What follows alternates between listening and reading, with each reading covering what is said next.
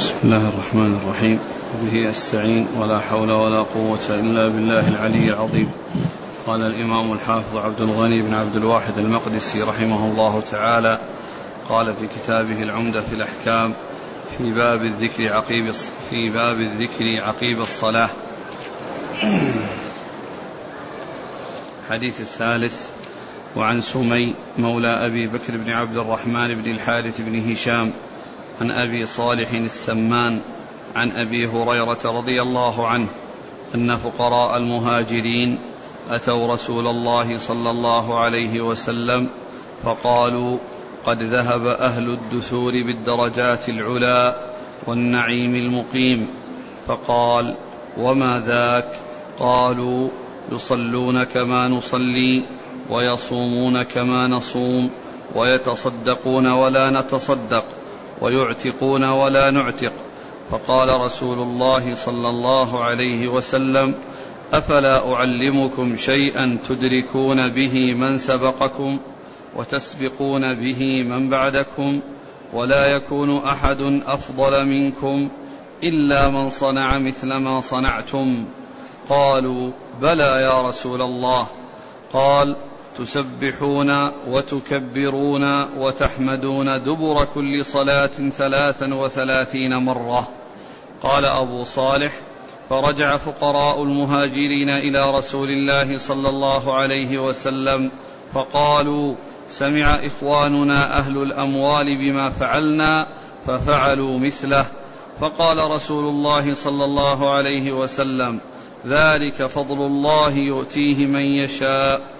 قال سمي فحدثت بعض أهلي هذا الحديث فقال وهمت إنما قال لك تسبح الله ثلاثا وثلاثين وتحمد الله ثلاثا وثلاثين وتكبر الله ثلاثا وثلاثين. فرجعت إلى أبي صالح فقلت له ذلك فقال الله أكبر وسبحان الله والحمد لله حتى تبلغ من جميعهن ثلاثا وثلاثين. بسم الله الرحمن الرحيم. الحمد لله رب العالمين وصلى الله وسلم وبارك على عبده ورسوله نبينا محمد وعلى آله وأصحابه أجمعين. أما بعد فهذا الحديث عن أبي هريرة رضي الله عنه من أحاديث الذكر عقب الصلاة عقب الصلوات المكتوبة وذلك وهو سبحان الله والحمد لله ولا إله الا سبحان الله والحمد لله والله أكبر. وجاء في بعض الروايات ويقول آه، يأتي بها ثلاثا وثلاثين ثم يضيف يختم بقوله لا إله إلا الله وحده لا شريك له له الملك وله الحمد وهو على كل شيء قدير. فتكون مئة. فتكون مئة. يعني هذا الحديث حديث أبي هريرة جاء في هذا الذكر. وهو أن الله عز وجل يسبح ويحمد ويكبر بعد دبر كل صلاة مكتوبة ثلاثا وثلاثين وأنه يؤتى بتمام المئة كما جاء في بعض الروايات بلا إله إلا الله وحده لا شريك له له الملك وله الحمد وهو على كل شيء قدير. وهذه إحدى الصيغ الثابتة في هذا المعنى الذي هو التسبيح والتكبير والتحميد. وقد جاء صيغ أخرى وقد جاء صيغ أخرى منها أن أن أن أنه يأتي في التكبيرات 34 يعني سبحان الله 33 والحمد لله 33 والتكبيرات 34 فيكون 100 وجاء أنه يؤتى بسبحان الله والحمد لله ولا إله إلا الله والله أكبر 25 كل واحدة 25 يعني 25 فيكون المجموع 100 يعني سبحان الله والحمد لله ولا إله إلا الله والله أكبر 25 فيكون المجموع 100 يعني هذا جاء عن رسول الله عليه الصلاة والسلام وكلها صيغ ثابتة من أخذ بها هذا أو بهذا أو بهذا فكلها حق. والحديث له سبب وهو ان أن فقراء المهاجرين جاءوا إلى الرسول عليه الصلاة والسلام وقالوا ذهب أهل الدثور بالأجور والنعيم. قال وما ذاك؟ يعني الدثور أصحاب الأموال يعني أنهم ذهبوا بالأجور والثواب والنعيم. قال وما ذاك قال يصلون كما نصلي ويصومون كما نصوم ويتصدقون ولا نصدق ويعتقون ولا نعتق. يعني أننا تشاركنا وإياهم في الصلاة والصيام وهو الذي نقدر عليه وتقدموا علينا وسبقونا بكونهم يتصدقون ويعتقون. بأموالهم ونحن ليس عندنا ما نتصدق به وما نعتق به. فالرسول عليه الصلاة والسلام أراد أن يبين لهم أو يعلمهم ذكرا آه، يلحقون به من بعدهم ويسبقون به من قبلهم ويسبقون به من بعدهم. فأخبرهم بأن يحمدوا الله ويسبحوا الله ويحمدوه ويكبروه يعني كما جاء في هذا الحديث 33 يعني يقال سبحان الله والحمد لله والله أكبر 33 يكون مجموع 99 وتمام المئة كما جاء في بعض الأحاديث آه لا إله إلا الله وحده لا شريك له الملك وله الحمد وهو على كل شيء قدير. ففعلوا الذي علمهم الرسول عليه الصلاة والسلام. ثم إن أنهم جاءوا إلى النبي عليه الصلاة والسلام مرة أخرى وقالوا يا رسول الله علم أخواننا بالذي علمتنا ففعلوا مثل ما فعلنا. يعني معناه أنهم نصلي ويصلون ويصومون ونصوم ونذكر الله بهذا الذكر ويذكرون وهم يزيدون علينا بالتصدق بأموالهم والعتق بأموالهم. فقال عليه الصلاة والسلام ذلك فضل الله. يعني هذا الذي حصل لهم من, من, من المال الذي ينفقونه في طاعة الله وينفقونه في الصدقات وفي العتق ذلك فضل الله يؤتيه من يشاء. ولكنهم بهذا الذكر حصلوا أجرا عظيما. حصلوا أجرا عظيما. يعني في بهذا الذكر الذي علمهم الرسول صلى الله عليه وسلم إياه. ثم قوله دبر كل صلاة المقصود بالدبر هنا ما بعد الصلاة. يعني ما بعد السلام لأن هذا هو المقصود بالدبر هنا. والدبر يطلق على آخر الشيء وعلى ما يلي آخر الشيء. وآخر الشيء بالنسبة للصلاة ما قبل السلام. وما بعد السلام هو الذي يلي يعني آه هو الذي آه يلي الآخر. وهو يطلق على الآخر وعلى ما يلي الآخر. يطلق على الآخر وعلى ما يلي الآخر وهو هنا من الإطلاق على ما يلي الآخر. لأن آخر الصلاة السلام وهذا بعد آخرها. فإذا الدبر يطلق على هذا وعلى هذا.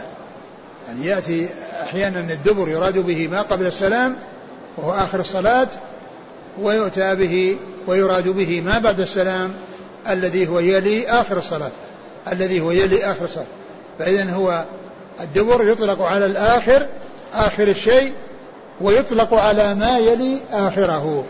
ويطلق على ما يلي آخره وهنا وهو هنا بمعنى ما يلي آخره. آه فالحديث يعني فيه آه هذا يعني فضل هذا الدعاء وفضل هذا الذكر بعد الصلاة وأن فيه أجر عظيم وثواب جزيل وأن من يفعله فإنه يكون يعني بمنزلة عالية ويحصل أجرا عظيما وثوابا جزيلا من المولى سبحانه وتعالى. أعد الحديث.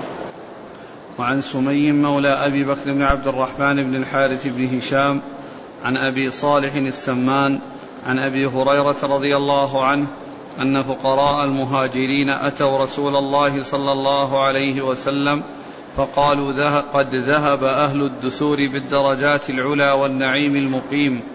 فقال وما ذاك؟ قالوا يصلون كما نصلي ويصومون كما نصوم ويتصدقون ولا نتصدق ويعتقون ولا نعتق. فقال رسول الله صلى الله عليه وسلم أفلا أعلمكم شيئا تدركون به من سبقكم وتسبقون به من بعدكم ولا يكون أحد أفضل منكم إلا من صنع مثل ما صنعتم. قالوا بلى يا رسول الله. قال تسبحون وتكبرون وتحمدون دبر كل صلاة ثلاثا وثلاثين مرة. يعني دبر كل صلاة مكتوبة. يعني هذا يتابه بعد المكتوبات لا يتابه بعد النوافل. نعم. قال أبو صالح فرجع فقراء المهاجرين إلى رسول الله صلى الله عليه وسلم فقالوا سمع إخواننا أهل الأموال بما فعلنا ففعلوا مثله. فقال رسول الله صلى الله عليه وسلم ذلك فضل الله يؤتيه من يشاء. قال سمي فحدثت بعض أهلي هذا الحديث فقال وهمت إنما قال لك تسبح الله ثلاثا وثلاثين وتحمد الله ثلاثا وثلاثين وتكبر الله ثلاثا وثلاثين.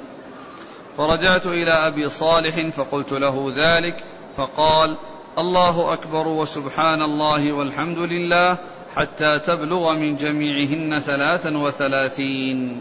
ثم أن سمي مولى أبي بكر بن حارث بن عبد الرحمن بن حارث بن هشام حدث بعض أهله بهذا الحديث ويعني وفهم بأن قوله آه، ثلاثا وثلاثين مقسمة على هذه فتكون كل واحدة لها أحد عشر. كل واحدة لها أحد عشرة. يعني فيقول سبحان الله أحد عشر مرة وسبحان والحمد لله أحد عشر مرة والله أكبر 11 مرة فيكون مجموع 33 فتكون الثلاث والثلاثين فهم أنها مقسمة. وليس المقصود هذا وإنما المقصود أن هذه الجملة وهي سبحان الله والحمد لله والله أكبر يؤتى بها 33 فتكون عدد الكلمات 99 عدد الكلمات التي أتي بها بهذا بهذه الطريقة 99 ويؤتى بتمام المئة كما جاء في الحديث في الرواية الأخرى. آه لا إله إلا الله وحده لا شريك له الملك والحمد وهو على كل شيء قدير. فتكون يعني هذه الجملة هذه الكلمة متممة للثلاث للتسعة والتسعين وعلى هذا فإن ثم إن آه آه هذا الذكر يؤتى به على طريقتين. وأبو صالح بين أنه يقول سبحان الله والحمد لله والله أكبر يعني ثلاثا وثلاثين. يعني يقول هذه الكلمات الثلاث يأتي بها ثلاثا وثلاثين.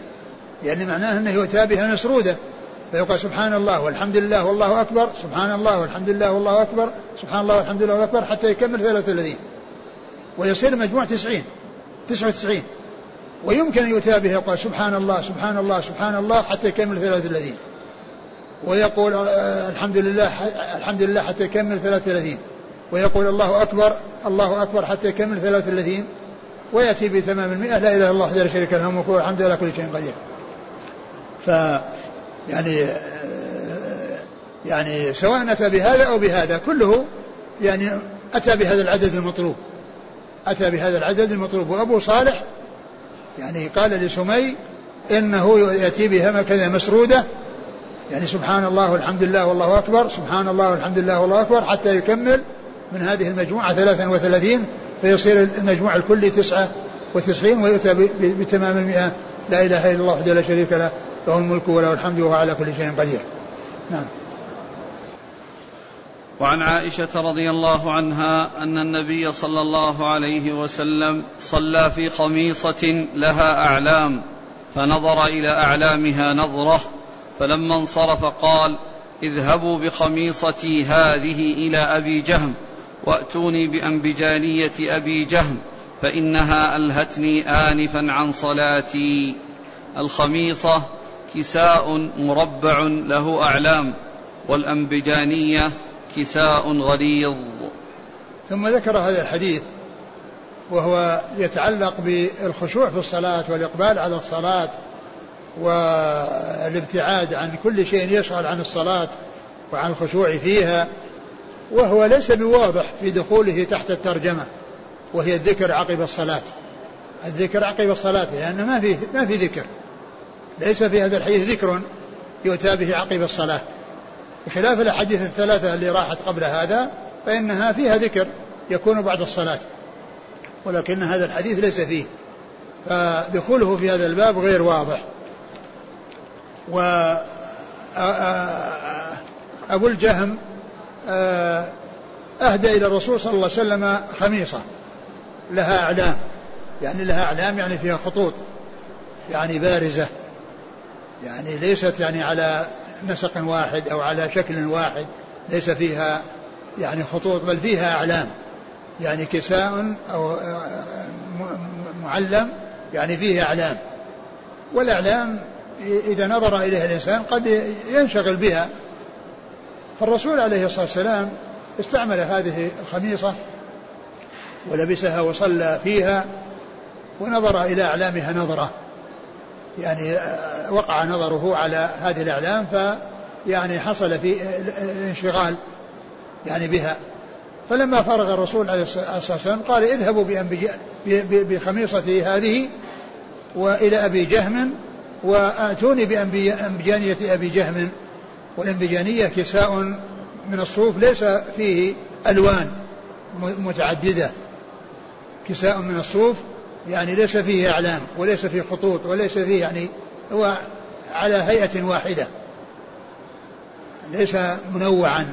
الأشكال والألوان ليس فيه ألوان ما فيه إلا لون واحد. فإنها ألهتني آنفا عن صلاتي يعني الخميص الخميصة التي استعملها. الخميصة التي استعملها والتي أهداها إليه أبو أبو جهم. الرسول عليه الصلاة والسلام يعني لما يعني رد الهدية لما رد الهدية إليه وقد يقع في نفسه شيء من رد الهدية طلب الأنبجانية التي عنده بدلا منها يعني حتى يطيب خاطره وحتى لا يتأثر من كون الهدية ردت إليه. فالإنبجانية التي عنده يعني طلب أن أن أن يأخذها بدلا من الخميصة. بدلا من الخميصة. فقال اذهبوا بها واتوني بأنبجانية بجهم لأن حتى لا يتأثر من رد الهدية أرسل هذه وطلب هذه. وهذا من كمال أخلاقه عليه الصلاة والسلام وأنه آه، يدخل السرور على أصحابه ويبتعد عن, عن أي شيء آه، آه، يؤثر عليهم. ولما أهدى الصعب بن جثامة الليثي للرسول صلى الله عليه وسلم يعني صيد يعني شيء من الصيد وكان النبي صلى الله عليه وسلم محرما. رده إليه وقال إن يعني لم رده إليك إلا أنه حرم. يعني رأى في وجهه شيء من التأثر فقال إنا لم نرده إليك إلا أنه حرم. والمحرم لا يأكل الصيد. يعني إذا صيد من أجله. وأما إذا لم يصد من أجله فإنه يصح كما جاء في قصة أو حديث أبي قتادة. فإذا يحمل يعني حديث الصعب بن جثامة الليثي على أنه صاده من أجل الرسول صلى الله عليه وسلم. صاده من أجله. والمحرم لا لا يصيد ولا يأكل ما صيد من أجله. ولكنه من صاده لنفسه ولم يكن صاده للمحرم وأعطى المحرم منه فإن له أن يأكل منه. فالحاصل أن الرسول عليه الصلاة والسلام إذا إذا رد الهدية يعني يأتي بشيء يبعد التأثر على المهدي. ففي الصعب بن جثامة قال إن إن حرم وهذا قال إنها لهتني آنفا آنفا عن صلاتي وأتوني بأنبجانية أبي جهم. نعم.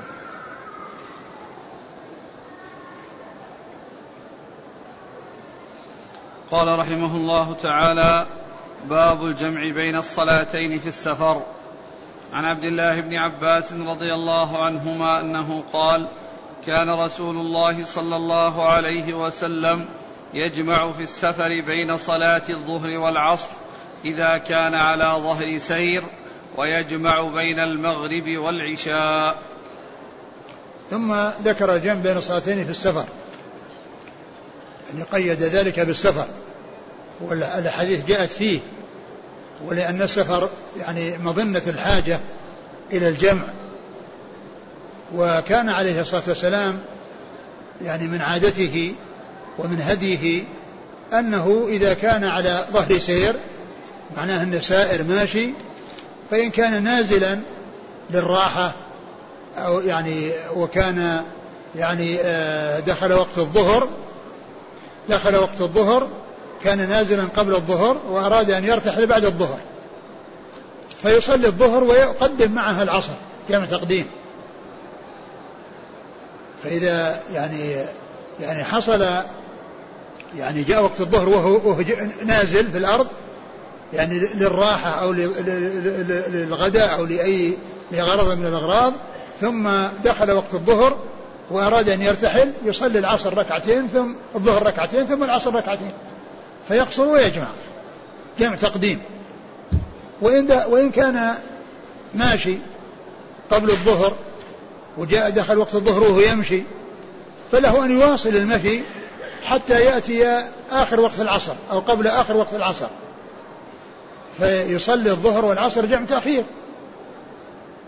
على حسب حاله إن كان إن كان نازلا ودخل الوقت يجمع جمع تقديم وإن كان دخل الوقت وهو سائر يواصل حتى يأتي وقت العصر سواء في أوله أو في آخره ويجمع جمع تأخير ويجمع جمع تأخير. هذا إذا كان جد به السير يعني معناه أنه كان ساير يعني منتقل. أما إذا كان مقيما في مكان ومستقرا في مكان فالأصل هو عدم الجمع.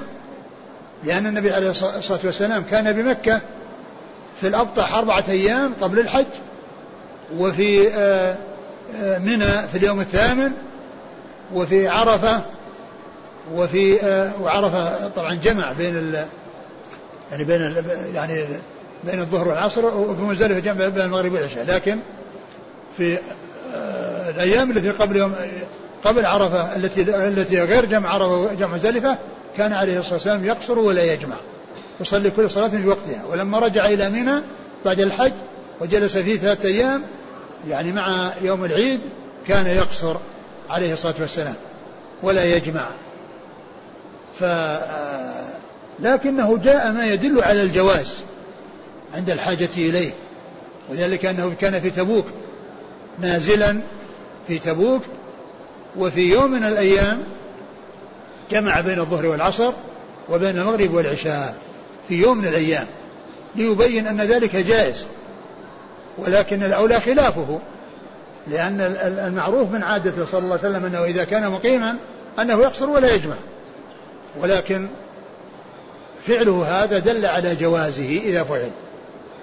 دل على جوازه فعل ذلك لبيان الجواز صلوات الله وسلامه وبركاته عليه.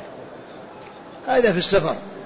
وأما في الحضر فإن المريض له أن يجمع. المريض له أن يجمع بين الصلاتين ولكنه لا يقصر.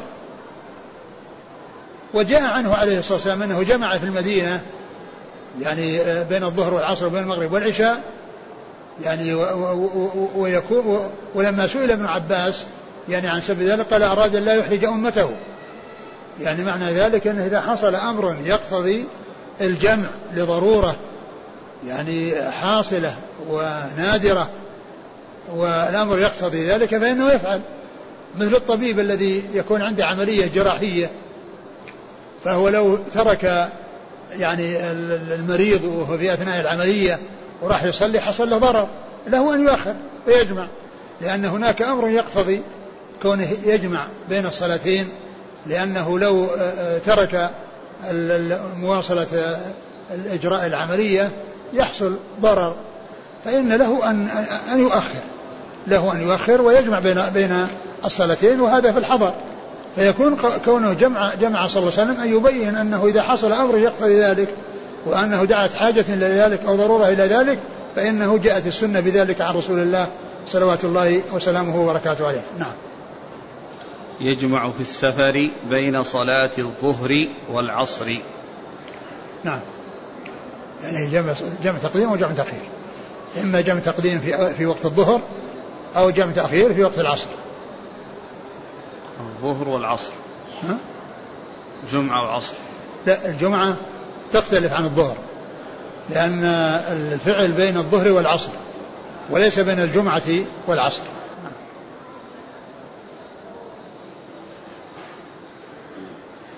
قال رحمه الله تعالى باب قصر الصلاة في السفر.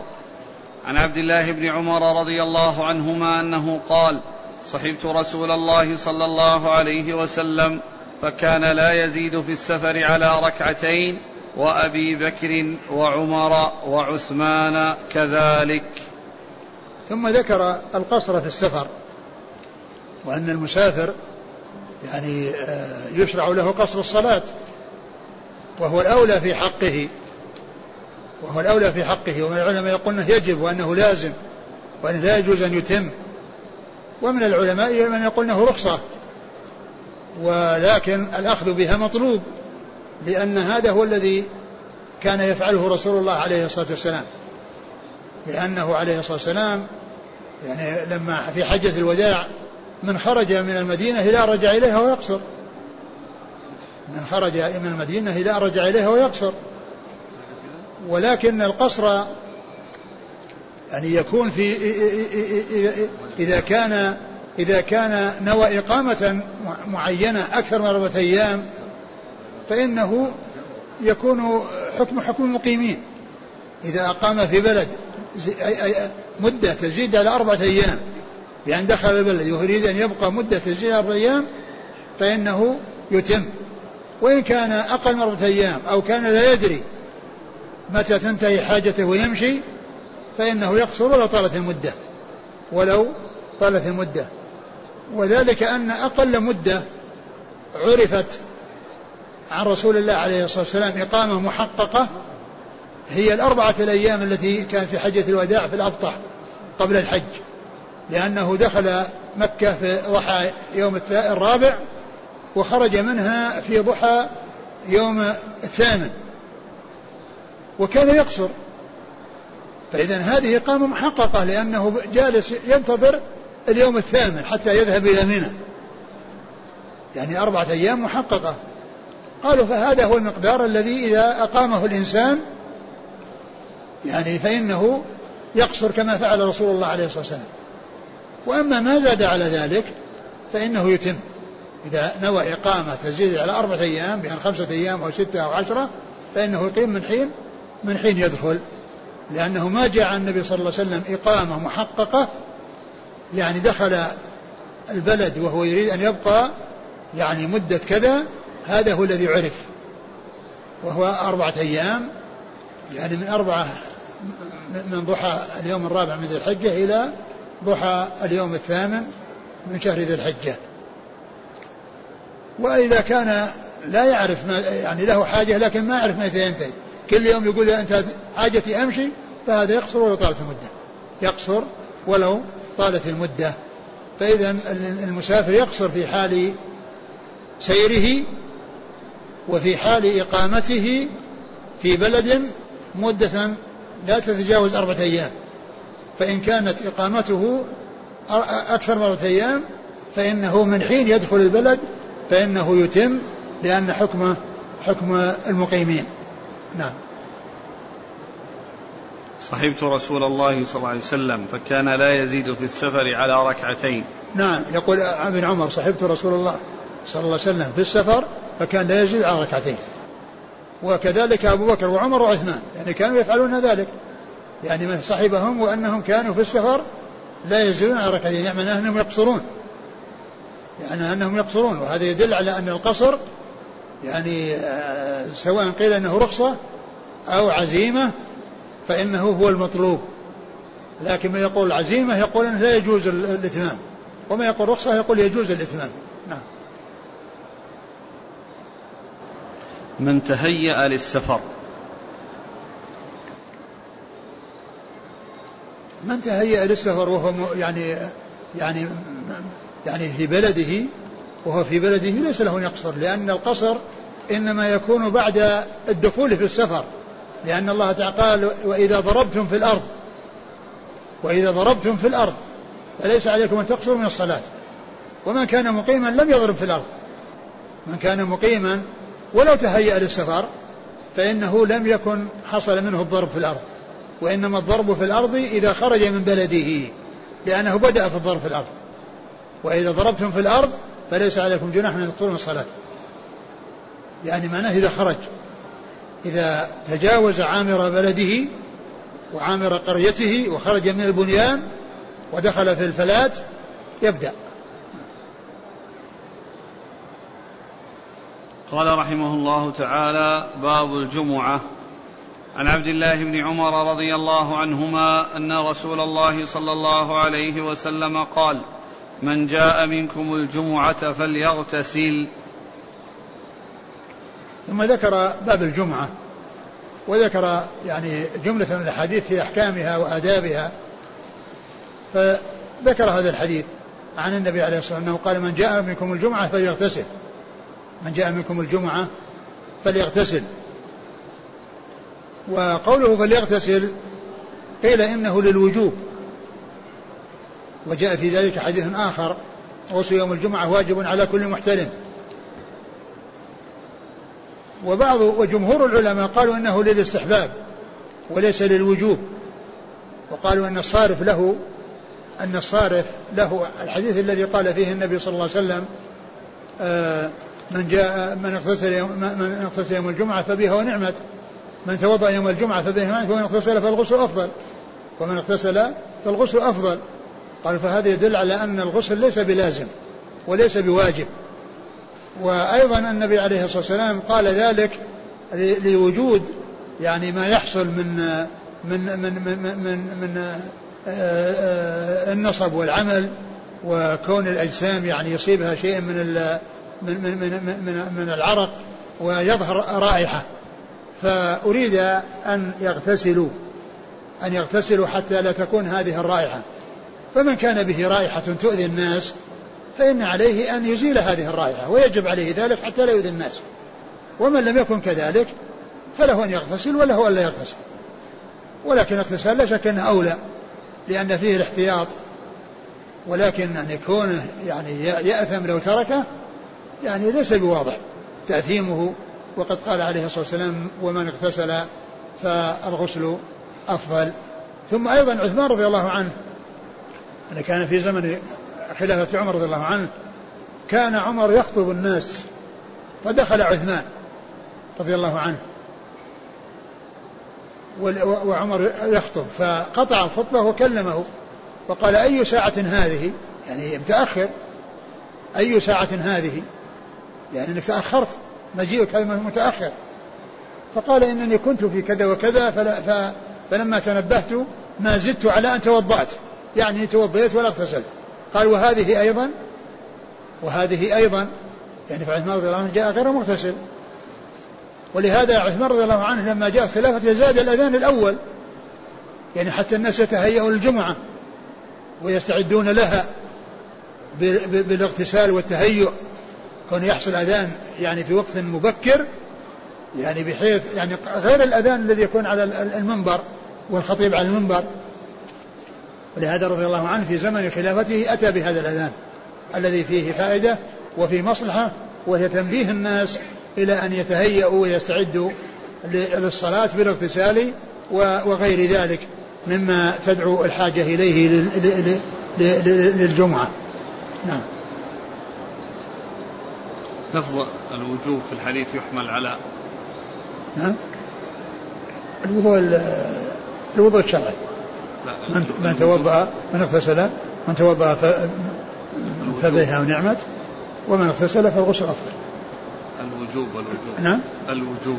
غسل يوم الجمعة واجب. يعني معناه أنه متأكد يعني أنه متأكد وأنه من الأمور المتأكدة ولا شك أنه من الأمور المتأكدة لا سيما إذا كان هناك يعني مثل ما كانوا يعني يكدحون في, في الأعمال ويظهر لهم روائح بسبب كثرة الكدح والكد والعمل.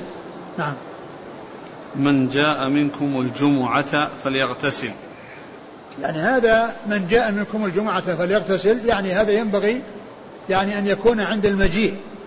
يعني بحيث أن النظافة وهذا التنظف يكون عند إرادة أو عند يعني آه، آه، آه، إرادة الذهاب.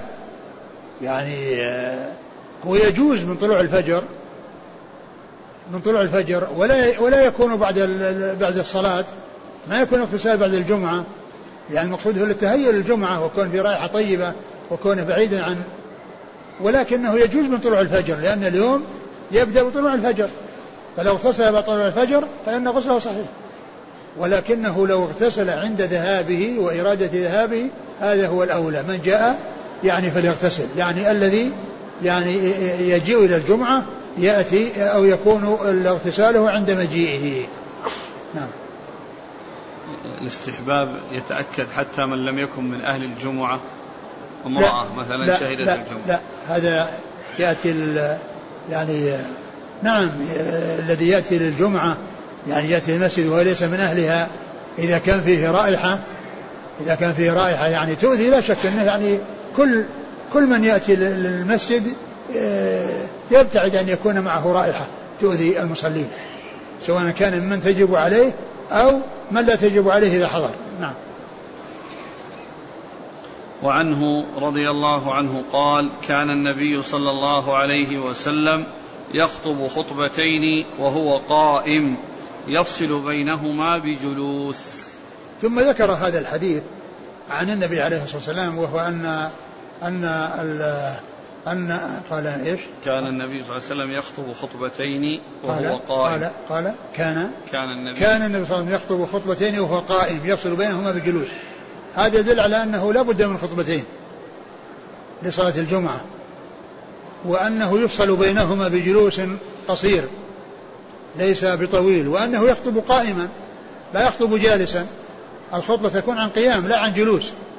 وأن تكون اثنتين وأن يفصل بينهما بجلوس وأن يفصل بينهما بجلوس خفيف ليس بطويل. نعم. وقوله كان هذا الغالب أن استعمال كان يأتي للشيء المستمر أو المداوم عليه. نعم. قوله وهو قائم. يعني يخطب وهو قائم. يخطب وهو قائم يعني خطبة عن قيام لا عن جلوس.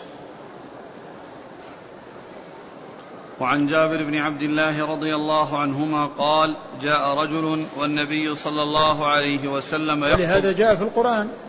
يعني وتركوك قائما. وتركوك قائما يعني قائم يخطب. نعم. السؤال عن صحة صحة الخطبة. ها؟ تصح الخطب الخطبة عن جلوس أو ما تصح؟ آه إذا إذا وجدت إذا وجدت فإنها تصح. لا سيما إذا كان الإنسان احتاج أو كان يعني يعني آه، ما يستطيع الصحة تصح.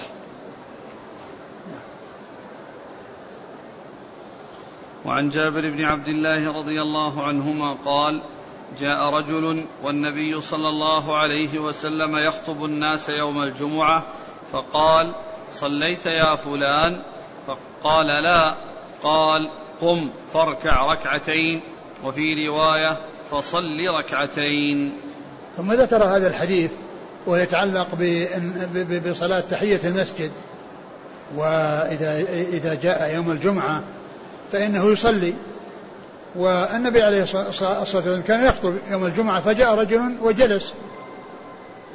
فقال عليه الصلاة يعني جلس هذا الرجل فقال عليه الصلاة أصليت ركعتين؟ يعني معناه أنه يعني قد يكون صلاهما في مكان متأخر.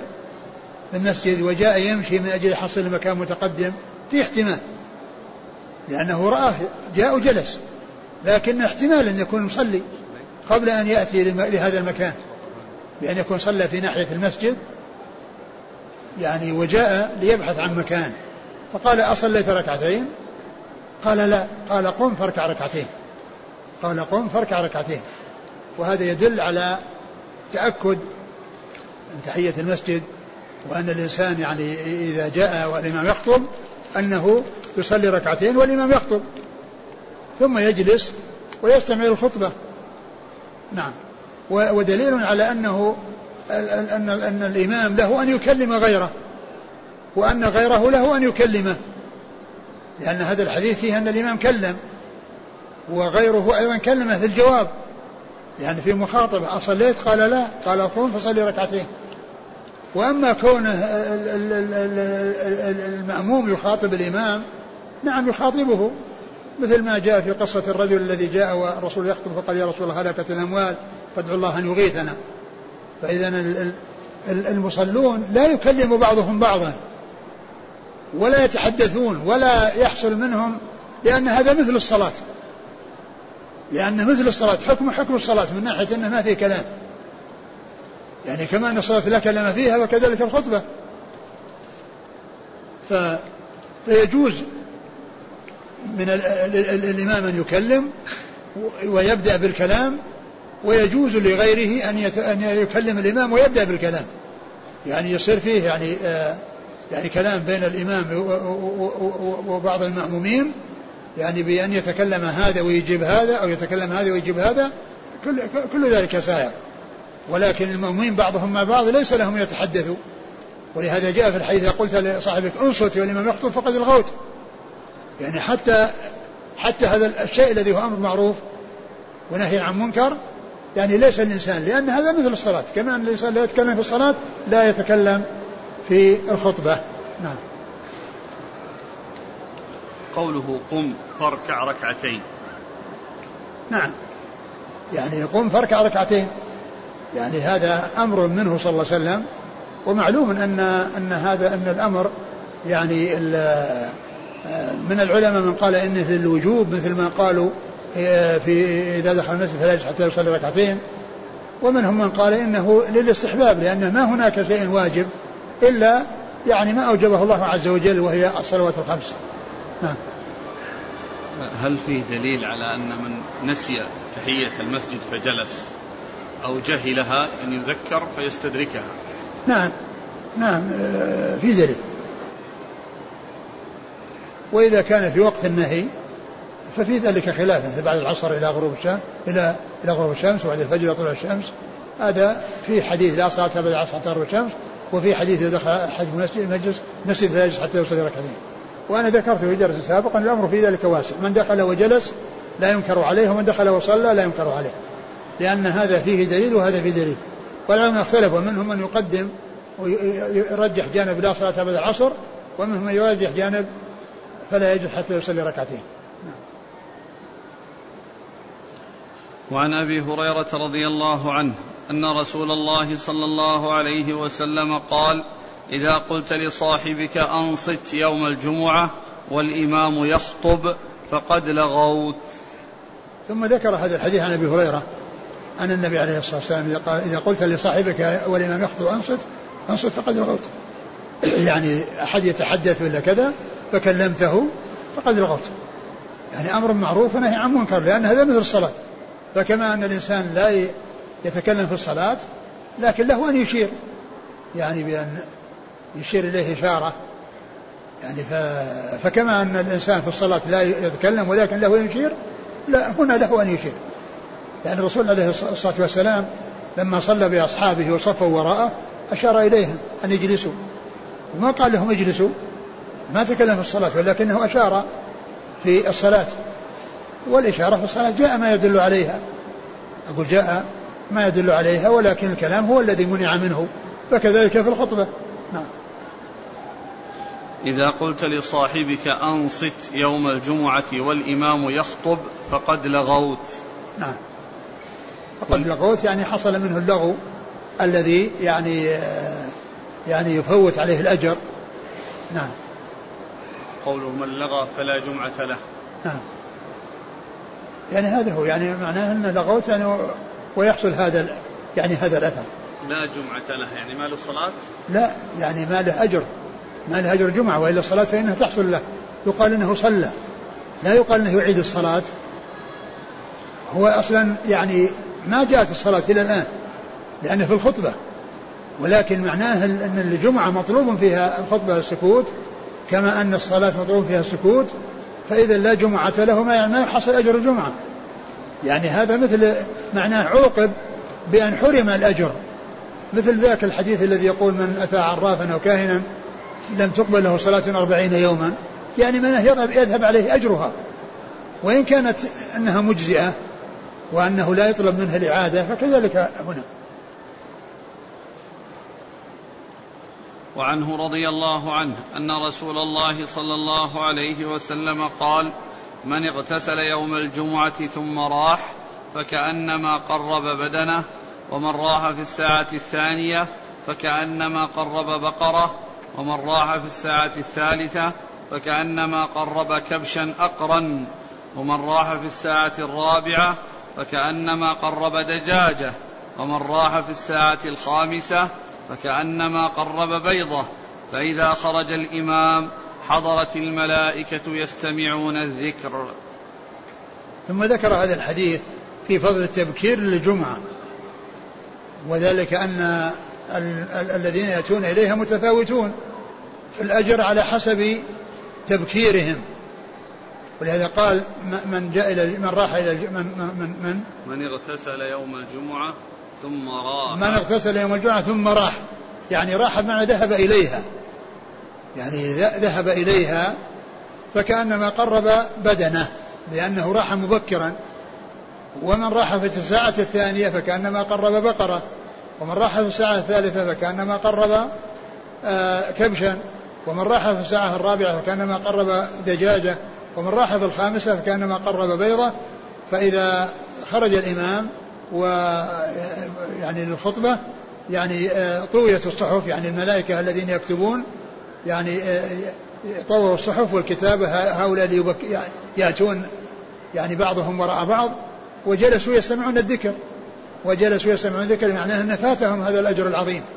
يعني من جاء يعني بعد يعني دخول الإمام فإنه فاته هذا الأجر العظيم. لأن من فعل كذا فكأنما حصل منه كذا وكذا ومن فعل كذا حصل منه كذا وكذا. فيفوتهم الأجر العظيم وهذا يدل على التفاوت بين الناس وعلى التبكير إليها وكانوا يبكرون. كما جاء في الحديث ما كنا نقيل ولا نتغدى يوم الجمعة إلا بعد الجمعة. لأنها يعني في أيام الأخرى التي غير يوم الجمعة كانوا يتغدون قبل الجمعة قبل قبل الظهر ويقيلون قبل الظهر. ولكن لكونهم يبكرون يوم الجمعة ما يحصل لهم قيلولة ولا غدا إلا بعد الجمعة. فإذا التبكير في الجمعة مطلوب والناس متفاوتون فيه و ويبدو والله أعلم أن أن التبكير أن هذا يعني يكون من طلوع الشمس أو بعد طلوع الشمس. لأن الناس يذهبون الفجر لصلاة الفجر ثم يرجعون ويتهيئون يعني للجمعة ويذهبون إليها ويكون ذلك تقريبا من طلوع الشمس أو بعد طلوع الشمس. نعم. من اغتسل يوم الجمعة ثم راح فكأنما قرب بدنه. يعني راح ذهب.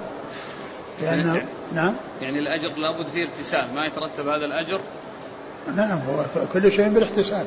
بالاغتسال. الاغتسال لا يعني ما ما يدل على أن الإنسان لو بكر وهو ما اغتسل ما حصل ولكن أخبر بأن الإنسان يغتسل يغتسل ثم يعني يذهب.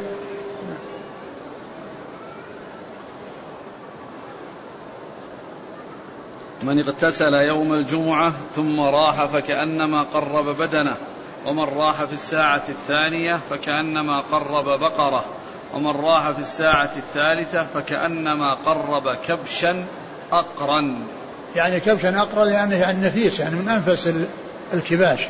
نعم. ومن راح في الساعة الرابعة فكأنما قرب دجاجة. ومن راح في الساعة الخامسة فكأنما قرب بيضة.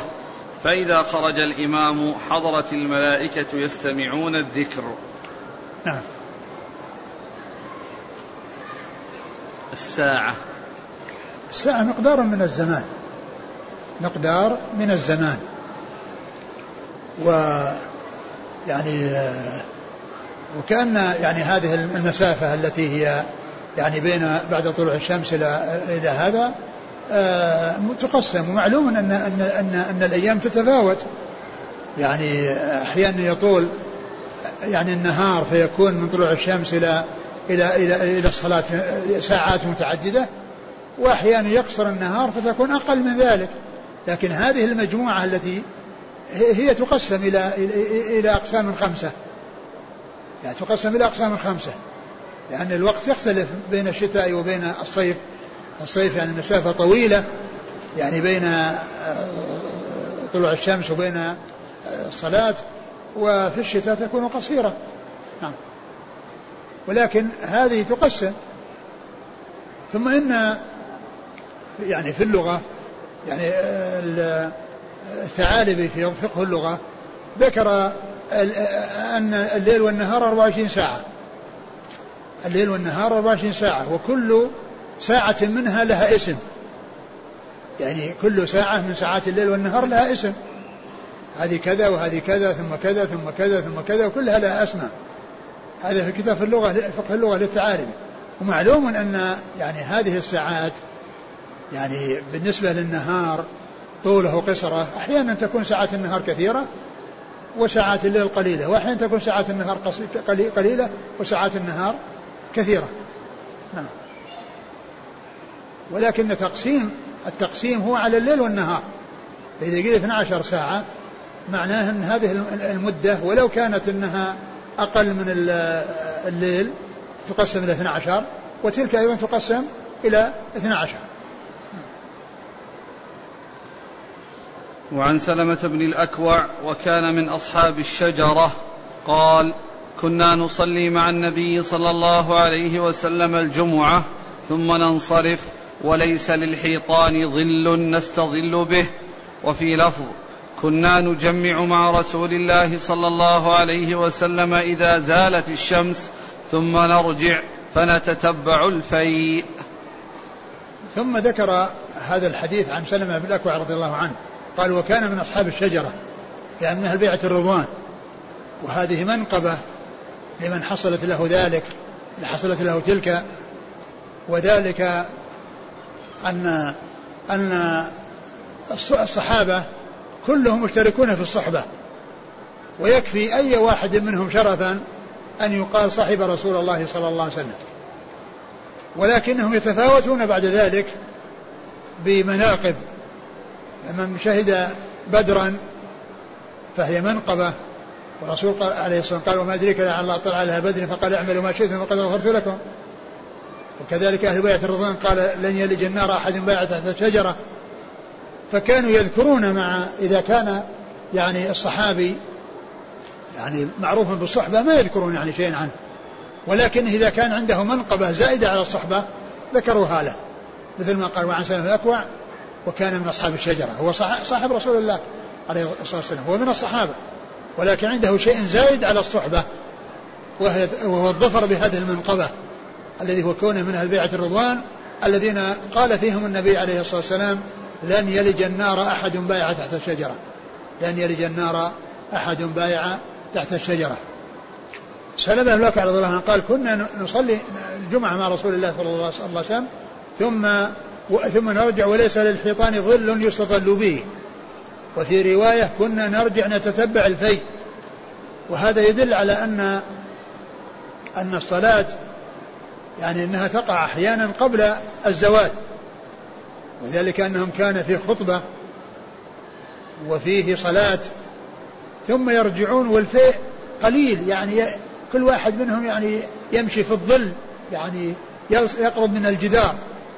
حتى يعني يحصل الظل وبعض أهل العلم الذين قالوا ان هذا يرجع إلى آه، ان صلاه ان الجمعه حصلت قبل الصلاه يقول يعني ليس للحيطان ظل يستظل به انه يرجع للقيد والمقيد يعني ما فيه ظل ومن يقول ان ان ان ان ان, أن, أن يعني آه، هناك يعني آه، ليس نفيا لأصل الظل وإنما هو نفي لصفته وهي كونه يستظل به. هذا يصير نفي للقيد. لأنه إذا قيل ليس للحيطان ظل يستظل ظل يعني معناه أنه ما في ظل أصلا. لكن إذا قيل ليس ظل يستظل به يعني معناه في ظل خفيف. يعني ليس هناك ظل يستظل به لخفته. و ف يعني هذا يدل على التبكير بصلاة الجمعة. تبكير بالجمعة. ومن العلماء من قال بجوازها قبل الزوال من قال بزو... ومنهم من قال لا تجوز إلا بعد الزوال. و... والأولى أن تكون بعد الزوال لأنه إذا حتى إذا وجد الأذان عند دخول الخطيب يعني الناس الذين في البيوت يعني يصلون الظهر. وقد إذا حصل قبل ذلك قد يصلون الصلاة في قبل وقتها لأن الذي لا يحضر الجمعة ليس عليه الظهر والظهر لا يجوز أن يصلى قبل دخول وقتها. نعم. لكن اللفظ الثاني وليس فيه كنا نجمع مع رسول الله صلى الله عليه وسلم إذا زالت الشمس. نعم إذا زالت الشمس يعني آه ويرجعون يتتبعون الفيء يعني هذا يدل على يعني على أنه يكون بعد الزوال وأنهم يعني يتتبعون الفيء يعني معناه أنها يعني أن حصل آه آه أن ما ما مضى وقت طويل يعني قال نتتبع الفيء لأن لو كان الفيء طويل ما احتاج إلى أنهم يعني يبحثون عن الفيء وأنهم يقربون من الجدار حتى يحصلوه. وعن أبي هريرة رضي الله عنه أنه قال كان النبي صلى الله عليه وسلم يقرأ في صلاة الفجر يوم الجمعة ألف لام ميم تنزيل السجدة وهل أتى على الإنسان. ثم ذكر هذا الحديث عن النبي عليه الصلاة والسلام أنه كان يقرأ في فجر الجمعة بسورتين الإف لام ميم السجدة في الركعة الأولى وهل أتى على الإنسان يأتي بها في الركعة الثانية؟ وكان يعني هذا هديه عليه الصلاة والسلام. وبعض أهل العلم يقول إنه إذا ترك يعني في بعض الأحيان يعني حتى لا يعتقد الناس أن هذا لازم وأنه واجب أن هذا ينبغي. يعني كونه يترك أحيانا مع الإكثار من من الإتيان به. فكان عليه الصلاة والسلام يصلي يقرأ بالألف لام من السجده في الركعة الأولى وبهل أتى الانسان في الركعة الثانية. قيل وإنما والإتيان بألف لام السجده ليس من أجل السجدة. يعني بعض الناس يعني قد يروح يقرأ سورة فيها سجدة قصيرة ويقول خلاص ان سجد سجدنا. لا ليس المقصود السجدة. وإنما المقصود ما اشتملت عليه من ذكر خلق الإنسان وبدء الإنسان ونهاية الإنسان لأن لأن يوم الجمعة حصل فيه بدء الخلق لأن آدم خلق يوم الجمعة وتقوم الساعة يوم الجمعة. يعني ففيها البداية والنهاية. ففيها البداية والنهاية. فيها بداية خلق الإنسان ونهاية وجود الإنسان. لأن الساعة تقوم يوم الجمعة وآدم خلق يوم الجمعة. يعني فليكون فيها ذكر الخلق وذكر المبدأ والمعاد. يعني من أجل هذا جاء ذكر القراءة بهاتين السورتين لأن في تذكير. تذكير بها ب يعني ب يعني بما يحصل في هذا اليوم بما حصل وما يحصل. ما حصل من بدء الخلق وما يحصل من نهاية الخلق. وما يحصل من نهاية الخلق يعني يكون في ذلك. وقد وقد آه، آه، وعلم الساعة متى تقوم لا يعلمه إلا الله عز وجل. ولكن اليوم الذي تقوم فيه الساعة علم بمجيء السنة عن رسول الله عليه الصلاة والسلام بذلك. فهي تقوم يوم الجمعة ما تقوم يوم السبت ولا الأحد ولا الاثنين ولا الثلاثة ولا الأربعاء ولا الخميس. تقوم بيوم الجمعة بالذات بالتحديد لأنه جاء ذلك عن رسول الله. لكن جمعة من أي سنة من أي آه، شهر في أي جمعة من الشهر لا يعلم ذلك إلا الله. لأن ما جاء فيه نص وإنما جاء يعني تعيين اليوم وهو أنها تقوم يوم الجمعة. ثم جاء في بعض الأحاديث ما يدل على أنها تقوم في أول النهار. كما في يعني بعض الأحاديث جاءت في سند صحيح أن أنه إذا يعني يوم الجمعة ما من دابة له مصيخة يعني حتى تطلع الشمس. يعني تخشى قيام الساعة. تخشى قيام الساعة. يعني هذا الحديث يدل على أن قيامها يكون في أول النهار. على أنه يكون في أول النهار قبل طلوع الشمس. فالجمعة فالساعة تقوم يوم الجمعة وتكون أيضا في أول الجمعة قبل طلوع الشمس. نعم. أيهما أولى؟ أن يصلي الإنسان بمثلا بإحدى السورتين يقسمها على الركعتين تخفيفا أو أن يتركهما لأنه يقول الناس يشتكون من التطويل. الرسول عليه الصلاة والسلام كان يفعل ذلك. أقول كان يفعل ذلك عليه الصلاة والسلام فالذي يفعل كما فعل الرسول عليه الصلاة والسلام قد أتى بالسنة. ومعلوم أن زمن عليه الصلاة والسلام يعني فيه مثل الذين موجودين. يعني من ناحية تفاوت الأسنان فإذا آه، آه، السورة لا تقسم لأن الرسول ما جاء عنه قسمتها لا هذه ولا هذه وإنما جاء الاتيان بهما جميعا. فكما كان يقرأ بسبح والغاشية في آه، صلاة الجمعة يقرأ بألف لام سجدة وهل أتى الإنسان في فجر الجمعة؟ لكنه لا يعني لا يعني يرتلها الترتيل الطويل الذي يكون من يعني مثل ما لو كان يعني القراءة قصيرة يعني حتى لا يحصل التطويل الكثير على الناس.